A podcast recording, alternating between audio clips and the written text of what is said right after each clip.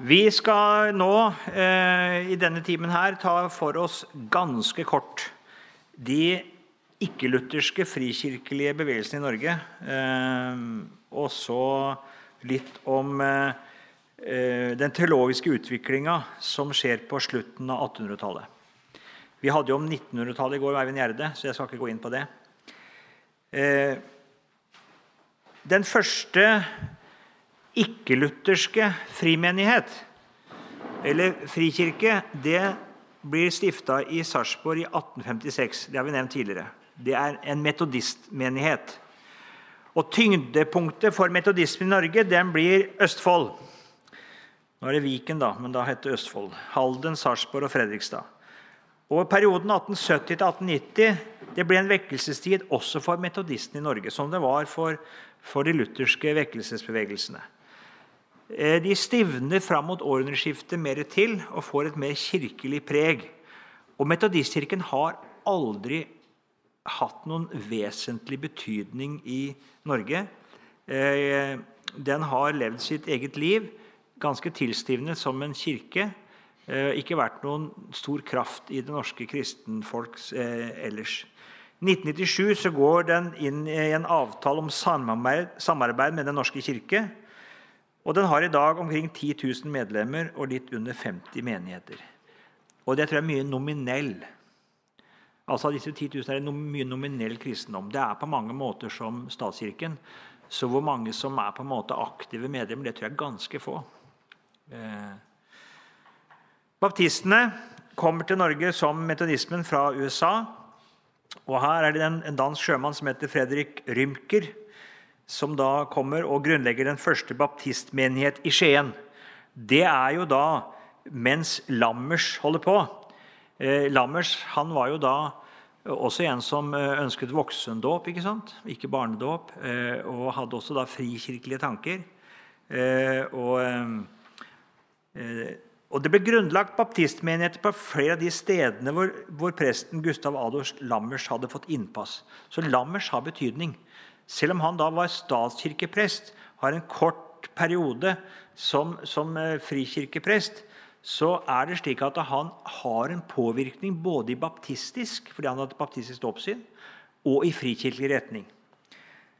Så Derfor så blir det grunnlagt av flere menigheter der hvor han har hatt inngang. Et viktig år for baptistene i Norge var 1877. Da møttes de forskjellige baptistmenighetene til landskonferanse. Og To år senere ble De norske baptisters union opprettet. I dag heter det Det norske baptistsamfunn. Og de har gitt ut bladet Banneret.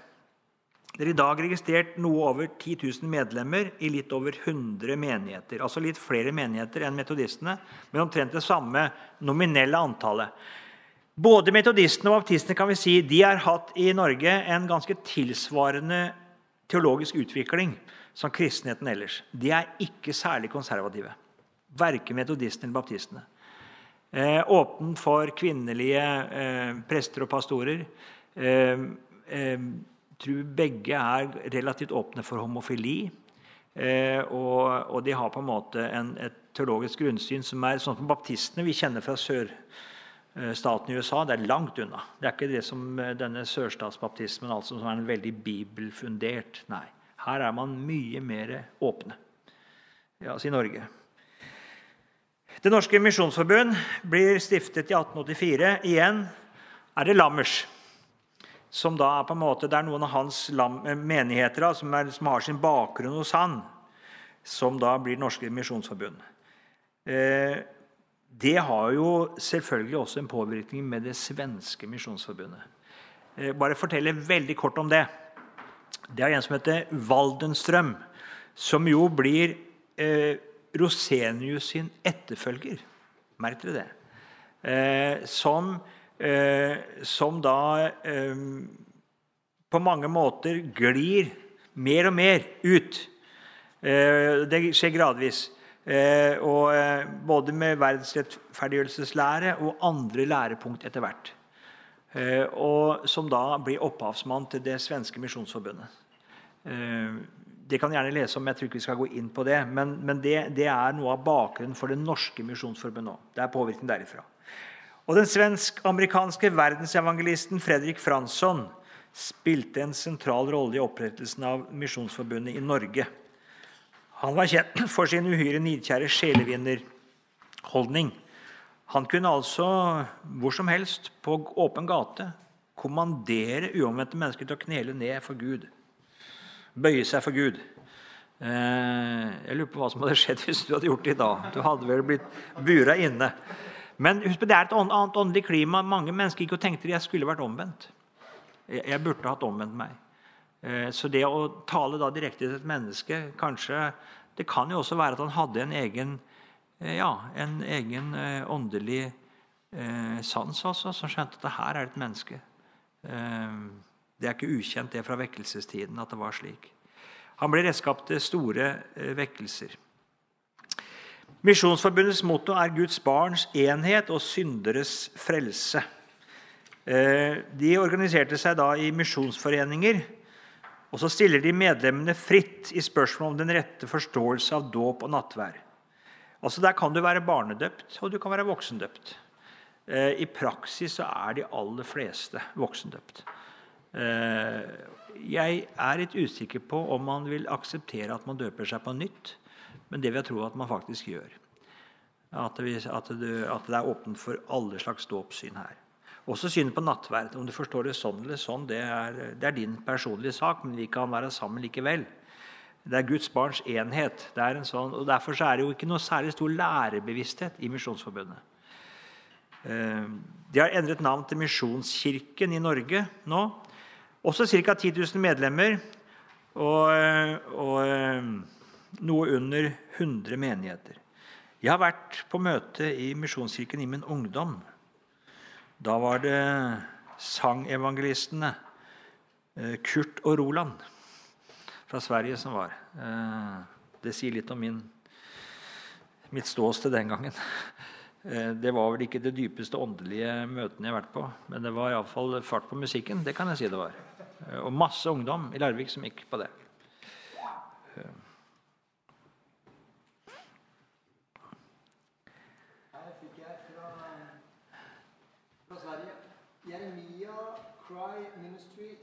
USA prediker også i dag på øppen gate omvendelse og tro. Veldig interessant og lærerikt å høre og se reaksjoner av ulike slag. Ja. Det er noe som følger Fransons metodikk. ja. Pinsebevegelsen eh, den hørte vi om i går. Eh, altså Den oppstår i USA 1901. Det var vel da dette nede i eh, et, en, Men det er jo gjerne 1906 i, i, Los Angeles vi tenker, i Asusa Street. Eh, og Metodistpastoren Thomas Ball Barata møtte dette i USA og brakte det med seg til Europa. Først til Norge. og Det er altså Thomas Ball Barat som er den som sprer pinsebevegelsen videre. Til Sverige, hvor Levi Petrus blir ledende, eh, og til England og til resten av Europa. Eh, jeg har lest litt om pinsebevegelsen i Tyskland, og det er Barat. Eh, og noen kvinner som sto sentral i, i Tyskland eh, i, i, utviklingen av pinsebevegelsen der. Og det er Jeg tror vi må si det eh, Når du leser denne historien, eh, så er den ganske preget av eh, ja, det vil vi, jeg vil altså kalle svermeri. Eh, vi kan si det at hvis du så ser videre, hvis du kommer ut på 20-, 30-, 40-tallet så dør noe av dette her bort. Eh, og reiser du omkring i Norge, så er det en del som, som er pinsevenner. I, jeg møtte oppe i Vest-Telemark. Jeg har hatt møte på bedehuset, i Vest-Telemark. Og der kommer det pinsevenner på møte. Helt tradisjonell luthersk møte. Jeg opplevde det i, da jeg var i 20-åra. Eh, og, og de var bibelfunderte kristne. Det var ingenting med tungetale, ingenting av noe av disse tingene. De leste Bibelen. Eh, og de leste gjerne Øyvind Andersen og, og eh, Rosenius. Og jeg har en, eh, jeg har en gammel slektning, han er død nå. Han var gift med en svensk pinsevenn. Hun var den myndige damen i hjemmet. altså. Han var prest. Han brevvekslet med Trygve Bjerkreim på latin. Eh, og, og eh, han gikk til gudstjeneste, prekte. Eh, han, var prest, han, var prest, på Kråkerøy blant annet, borte i Østfold. og Da skrev han Paulus sine brev. Han het Paulus. Paulus' brev til Kråkerøy skrev han i Menighetsbladet. Eh, men han og kona hun gikk til pinsemenigheten. Eh, og det er hjemme i Rosenius. Hjemme er doktoravhandling om Rosenius.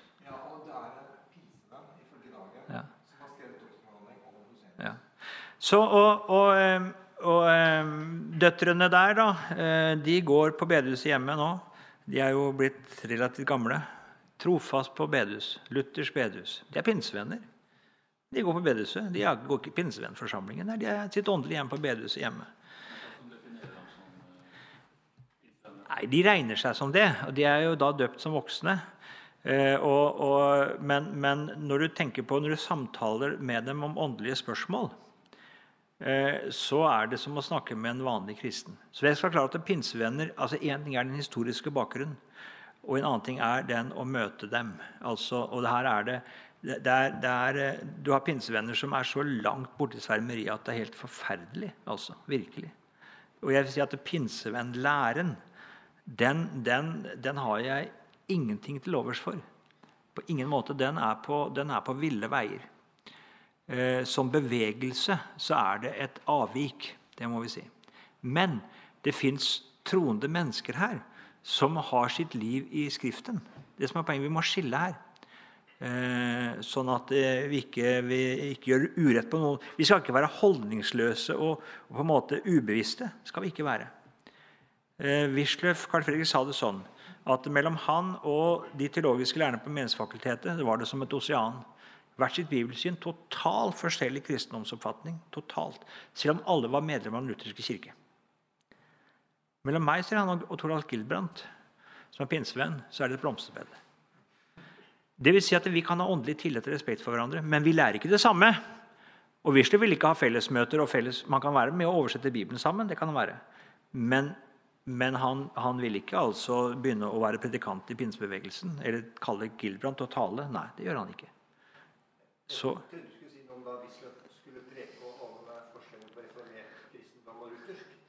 forteller han at på vei til flyplassen på Fornebu så hadde han nesten velsigna samtale med en pinsevenn. Ja. som var drosjesjåfør. ja, Ja, han var en broder. ja, ja. Men, men de hadde ikke litt syn. Nei. Men han var en broder. Ja. Og så skulle han da preke mot Ja. etter. Ja. Og det gjorde han. Ja, Ja. det gjorde han. Og ja da. For det går på lære. Ja. Så det er viktig å skille der. Vi skal gå og se litt på den teologiske utvikling på slutten av 1800-tallet. Eh, og den er preget av sterke brytninger på kirke- og kulturlivets område. I en retning som det skulle stå strid om innen kirken, det var grundtviganismen. Og jeg tror ikke vi skal underdrive altså dens betydning. I Danmark og i Norge. Ikke så mye i Sverige, men i Danmark-Norge. Eh, den har sitt navn fra den danske presten Nikolai Fredrik Severin Grundtvig. Eh, Grundtvigianerne har lite syn for tale om syndens makt, om menneskehjertets fordervelse og nødvendigheten av omvendelse og gjenfødelse til et nytt liv i Gud. Det er ingen vekkelsesbevegelse. Merk det. Det er ingen vekkelsesbevegelse. Man ønsket en lysere kristendom. Eh, kan til si en nasjonal kristendom, en historisk kristendom. Man var veldig opptatt av, av eh, på en måte historien. Eh, Grundtvig sa 'menneske først og kristen så'. Eh, og når du har den på en måte, Vi er i en tid nå hvor man er opptatt av i Norge av, av det norske nasjonale historie. Sånn er det i Danmark også. Man er opptatt av historien. Eh, og det er jo på en måte også kristenhetens historie, men det er også mye annet her. Eh, nasjonale ting. Eh, og man har vekt på kirke og prest som formidler av Guds nåde, sentrert rundt sakramentene. Og her er sakramentene ganske løst ifra de bibelske frelsesrealiteter. også. Fra forsoningen, fra Jesus. Eh, Det blir på en måte, Kirken blir en frelsesinstans. Eh, og hvor prest og sakramenter på en måte lever sitt eget liv. Og man taler om den gudstjenestefeirende menighet samlet om, om eh, ja, kan vi gjerne si dåp og nattverd, alterbord og, og døpefont og trosbekjennelse. Er ikke særlig opptatt av forkynnelsen. Det er man ikke. Og retningen ble med rette anklaget for allmennreligiøsitet. Professor Gisle Jonsson, de konservative prestene og de troende lekfolk mente at grundtviganismen ikke samsvarte med verken Bibelen eller lutherdommen. Kulturåpenheten og menneskesynet var altfor optimistisk. En som var påvirket, det var Bjørnstjerne Bjørnson. Eh, han brøt etter hvert helt med kristendommen. Men han har, Og allmennreligiøsiteten Vi kan lese diktet hans Eh, hvor han skriver altså, Han har flere som er veldig grundtvigiansk prega. Han taler om det evige forår i livet. Det er så allmennreligiøst. Og Hvis du leser en del av Grundtvig sine salmer, legg merke til det blomsterspråket hans. Det er så flytende at du kan legge inn nesten hva du vil der. Eh, det er altså, det er ikke en tydelig han har oversatt til salmer, han, men han har jo en utvikling. Han begynner jo ikke sant, som en konservativ prest som sier 'Vi er Herrens ord forsvunnet fra Herrens hus'. Altså Han, han, han savner altså virkelig en, en, en, at Guds ord skal få sin plass. Men så blir han inntatt av bibelkritikk. Og så mister han troen på, på Bibelen som Guds ord. Og så leter han etter et fundament, og så finner han det i trosbekjennelsen. Det er trosbekjennelsen. Det er på en måte det er. Så Når han skriver i altså, Guds ord det er vårt arvegods Det er ikke Bibelen han snakker om. Det er trosbekjennelsen. Det våre barn skal være. Med det ordet innvies Jesu dåp. For trosbekjennelsen det ble lest før dåpen. Velsignes Jesu beger. Det Trosbekjennelsen ble lest i forbindelse med nattverden. Han snakker altså ikke om Bibelen, han snakker om trosbekjennelsen. Eh, så, ja. Men vi kan si at grundtviganismen den er faktisk noe som leder hen til en allmennreligiøsitet og etter hvert det vi kaller fritenkeri. Det er en eh, ganske klar linje. Det er sånn. En ville tenke fritt i forhold til kristendommens dogmer og moral. er det som betyr fritenker. Forfattere som Arne Garborg og Henrik Ibsen kom med angrep på kristendommen. Ta et dikt av Ibsen. Det heter, det heter å, Alle sånne ord blir borte. Sånne, hva heter den, da? Det heter eh, 'Bergmannen'. Han beskriver en der som, som graver i gruvene. Eh, hvorfor han har valgt å gruve, drive gruvedrift? Jo, for hvis han løfter sine øyne mot det høye, så blir han blenda av lyset. Han liker seg der i de mørke irrganger. Det er sjelens dyp. Altså, Ibsen han begynte å grave i menneskesjelens dyp, for han blir blenda av lyset fra det høye. Han, han, klarer ikke å forholde seg til Gud. Og Guds ord, det blender han. Det, det, det, det har, måte klarer han ikke å forholde seg til. Og Derfor er han heller opptatt av å grave i menneskesjelens forskjellige irrganger. Eh, du møter jo mye både i Brann og i Per Gyn så møter du mye at han kjemper med kristendommen. Det gjør han. På alle måter gjør han det. Eh, og, og likevel, han ender altså opp med at han klarer ikke å forholde seg til det. Arne Garborg han ender jo opp ikke, sant? ikke å skrive om den bortkomne sønn, men den bortkomne faderen. Han har mista Gud. Eh, han, han, opplevde jo å vokse opp i et haugiansk hjem med en ganske lovisk og uforløst kristendom. Og han kommer aldri fram til fred og gir opp det hele. Eh, og det er den bortkomne Faderen. Gud har blitt helt borte for ham. Jo da. Ja, så Han har jo bondestudent her, og så har han jo, det er jo en av de som har skrevet noe som heter 'Fritenker'. Det stemmer, det. Ja, ja. ja og Garborg så leser du Det er som å se inn i hans eget hjerteliv. Bondestudenter er hans egen historie. Hvor han, hvor, der ser du denne kampen med kristendommen og en lovisk eh, kristendom som, som, på en måte mørk, og som aldri ikke sant? Så det, det er jo bare fortvilelse å lese. Du ser at Han har jo aldri egentlig kommet til, å, til noe klarhet og, og, gir opp det hele. Bjørnson skriver 'over evne'. Det er over evne. Kristendommen han, han, de, altså de, eh, kommer aldri fram til noe, til noe klarhet. Eh? Bergmannen. Ja. Charles Darwins evolusjonslære, August Comtes positivisme, griper om seg litterære og akademiske kretser. Eh, Vi har jo også en som heter Georg Brandes fra Danmark, som kommer, ikke sant? som er på en måte det lysende stjerne som, som det ses fra Norge. Han er jo en altså bare si det, Vi snakker om nazismen. Georg Brandes han er jo en som virkelig tar til, tar til orde for, for fosterdrap.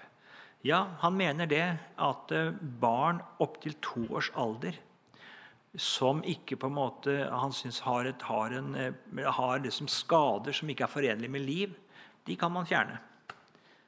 Eh, Altså, så, så han er ikke bare snakk om å ta barn i mors liv, men du kan ta dem etter fødselen òg. Hvis de har altså psykiske eller fysiske alvorlige skader, så kan vi altså Dette er altså lenge før nazismen. Eh, men, men det reiste han rundt i Norge og Danmark og, og talte om. Og han var regnet som et virkelig stort lys. Det er jo evolusjonsbiologi ja, som vi møter her, ja, av verste skuffe. I Universitetet i Oslo får vi brødrene Ossian og Ernst Sars, som jo er positivister. Eh, altså totalt se bort fra at det finnes en gud. Alt som finnes i verden, kan gis en naturlig forklaring på. Bare det vi kan se og erfare med sansene våre, er, har virkelig eksistens. Og Gud kan ikke se og erfare med sansene, altså eksisterer han ikke. Det er det vi kaller positivisme. Eh, Så gudløsheten hadde funnet sine talsmenn. Altså på Gisle Jonssons universitet så har vi disse, fått disse inn. Og Dette slår inn i kirke og teologi. Eh, Den liberale teologi den blir markedsført av den tidligere konservative presten Torvald Klavenes. Eh, Nå skal huske at Den liberale teologi den har et positivt anliggende. Og her er noe som er veldig viktig. Eh, Det at noen har et positivt anliggende, eh, det betyr ikke at det er ufarlig, og at vi skal ta lett på det. Disse som i dag vil eh, på en måte eh, Jeg har sett sånne argumenter at eh, dagens samfunn altså de, de, de vil ikke forstå, de vil reagere så veldig negativt på vårt syn på kvinnelig tjeneste. Så, sånn at det vil på en måte det vil, det vil ødelegge sånn for oss som kristne og for evangeliet. Derfor så bør vi på en måte legge den saken død. Sånn tenker man helt åpenbart også om abortsaken. Fosterdrapssaken. Det, det, det, det, er liksom, det kommer, sånn tenker man liberal teologi.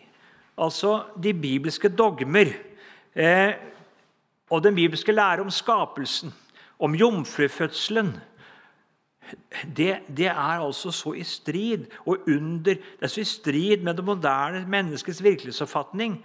Og Derfor er det slik at vi bør på en måte ta bort disse anstøtene.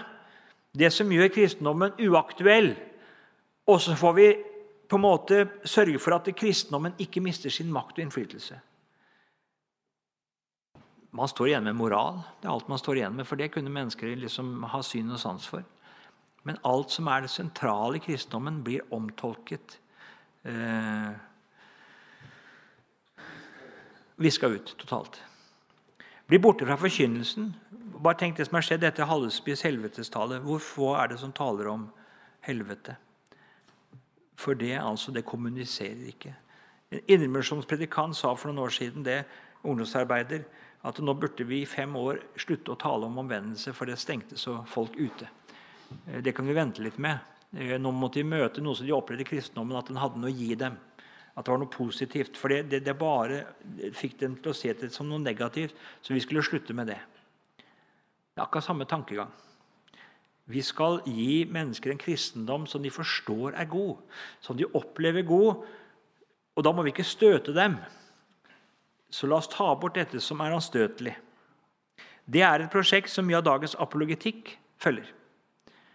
Den prøver altså å gjøre kristendommen spiselig for det moderne mennesket. For de, de moderne, de å, å, å forkynne skapelsen det blir et kjempeproblem for ungdom som vokser opp. Det kommer i konflikt med evolusjonslæren. Og, og, og, og så støter de seg og så sier de nei til kristendommen. La de slippe det. Derfor ikke lag, lag, gjør evolusjonslæren til et problem. Lær dem å forstå Bibelen sånn at de kan lese den i lys av evolusjonslæren. Som en, på en måte en, At ikke det blir en konflikt der. Da hjelper du dem. Sånn tenker man. Det er, det er, det er liberale teologis tankegang. Akkurat samme tankegang. Eh, det gjelder altså å forstå Bibelen i lys av der vitenskapen er i dag. Ta bort det som støter an, slik at det moderne mennesket kan oppleve kristendommen aktuell. Eh, Johan Christian Høek han gikk til frontalangrep på eh, den liberale teologi. Eh, han var hovedlærer ved Det praktisk-teologiske seminar fra 1875, biskop i Kristiansand fra 1889. Han var en tid redaktør av kirkebladet Luthersk Kirketidene, men ble avsatt i 1877 pga. sin uvilje mot lekmannsforkynnelsen. Merk det. Um, han startet da bladet Luthersk ukeskrift uh, for å kunne liksom fortsette med sitt, uh, sitt ganske høykirkelige syn. Han var jo imot formannskapsloven, han var igjen meget konservativ. Og han ble ikke fulgt av kristenfolket. Han fikk ikke gjennomslag. Eh, for kristenfolket var langt mer demokratisk anlagt enn det han var. Han hadde veldig tro på embets, embetsmannsstyret. Eh, han kom til å endre syn. Særlig i kampen mot den liberale teologi. Det var jo ikke prestene som støttet ham, men lekfolket støttet ham. Så når han kom til som biskop i Kristiansand, så fant han sin plass i bedehuset. Ikke som taler, men som tilhører. Eh, han, han, talte sikkert også, men han var tilhører. En, eh, en liten episode kan jeg lyst til å fortelle om, om Høek. Eh, han, eh, han ble jo, det ble vekkelse oppe i Setesdal mens han var biskop. Eh, og presten, som, eh, som, var en drivende kraft i vekkelsen, han, han gikk ned fra pregestolen og sto og, og, og prekte ned på gulvet. Eh, han, eh, han, brukte sanger som var på en måte som ble sunget på bedehuset, som ikke sto i salmeboka, og sang dem. Eh, og det ble klaget til biskopen at han fulgte ikke liturgien. Han brøt med det som liturgien og orden. Og, og biskop Høek han reiser på visitas og setter seg ned. Og presten han bryr seg ikke at biskopen sitter der. Han gjør akkurat som han pleier står og preker fra koret. Og han synger sanger som, som eh, ikke står i salmeboka. Og når gudstjenesten er over, så begynner Høk å snakke til han og sier at eh, du følger ikke liturgien. Du, eh, og, og, du står ikke preker der du skal, på prekestolen. Og du synger sanger altså som ikke står i salmeboken. Ja, sier presten. Men jeg syns du sang med. Ja, sa biskopen. Det var så velsigna godt. det ble hele korreksen. Fortelles, det var ikke samme visitas, men Høek han var jo en, en, akademiker. Han var jo en, en, aristokrat. Han var jo ikke en folkets mann. i den, for Han var jo så fjernt fra det vanlige liv. Han eh, hadde jo blitt påkledd fra han var en liten gutt. så Han hadde jo klarte ikke å kle seg sjøl. Han måtte ha noe som kledde på han. Eh, så langt unna, på en måte, men allikevel en, en, eh, åndelig mann og en, eh, fantastisk forkynner. Å lese hans prekener altså. Han har en prekensamling som heter 'Vitnesbyrd om Kristus'. Det er meget, meget god forkynnelse. Eh, han var da på, Som man skulle på visitat, så skulle man også overhøre undervisningen på skolen. kristendomsundervisningen. Og det var han. Og så er det en stakkar som skulle, skulle gjøre rede for eh, forklaringen til det andre artikkel. Og han har lest og lest, og alt er nesten borte. Så han sier jo det, ikke sant? Jeg tror, Nå klarer jeg ikke å gjenta det jeg engang, altså, at, at vår Herre Jesus Kristus har frelst meg, syndige og fortapte menneske. Der stansa det. Ja, lenger har ikke jeg kommet, sånn. Nei, det har ikke jeg heller, sa biskopen. altså, Istedenfor å gjøre det til et problem, så ble det et evangelisk vitnesbyrd. Lenger har ikke jeg kommet. Han har frelst meg, syndige og fortapte menneske. Så, så, det er mye fint å si om Høek. Eh, han, han, skrev sin første bok 'Mot strømmen' eh, og tar oppgjør med, med eh, den liberale teologi. Og så får han masse brev fra prester og sier at den boka der Den, han må gå ut og beklage for, for altså å, å rette opp for at nå har masse prester fått mista tilliten hos sine menighetslemmer. De har ikke tillit til meg lenger, sier for at du, det, dette du har skrevet. Og det er din skyld. Du har på en måte skapt liksom, mistillit til vår forkynnelse. Nei, sier Høg, det har ikke jeg gjort. Og hvis dere ønsker tillit, det er den enkleste sak, sier Høg. Gå på prekestolen og tal klart. Så skal dere få lekfolkets tillit. Det er ikke min skyld. Det er dere som taler så uklart at de som har lest boken, de finner at dere taler. Så det er ikke min skyld, det er dere. Veldig godt, altså. altså han er tindrende klar. Eh, og overfor disse prestene som følte at det nå ble det uberettiget stilt spørsmål ved deres troverdighet og, og, og fasthet. Nei, det er ikke min skyld. Det kommer jo en, en ny bok som følge av det også. Ja, svar. Han ga svar, ut svar da. Hvor han tar opp oppgjørene. Ja. Det er verdt å lese. Vi skal stanse der. Eh, eh, Da er vi kommet til omkring 1900. Eh, Så hadde vi da med Eivind i går de, tiden fram til krigen. Og så skal jeg nå i neste time så skal vi se litt på, på de forskjellige lutherske eh, bevegelser i Norge, Sverige og Danmark. Eh, og se litt på situasjonen i dag. Eh, jeg er litt i tvil om vi skal la det tas opp, for her kommer jeg til å være ganske eh, direkte. Og dette er ikke noe forskningsbasert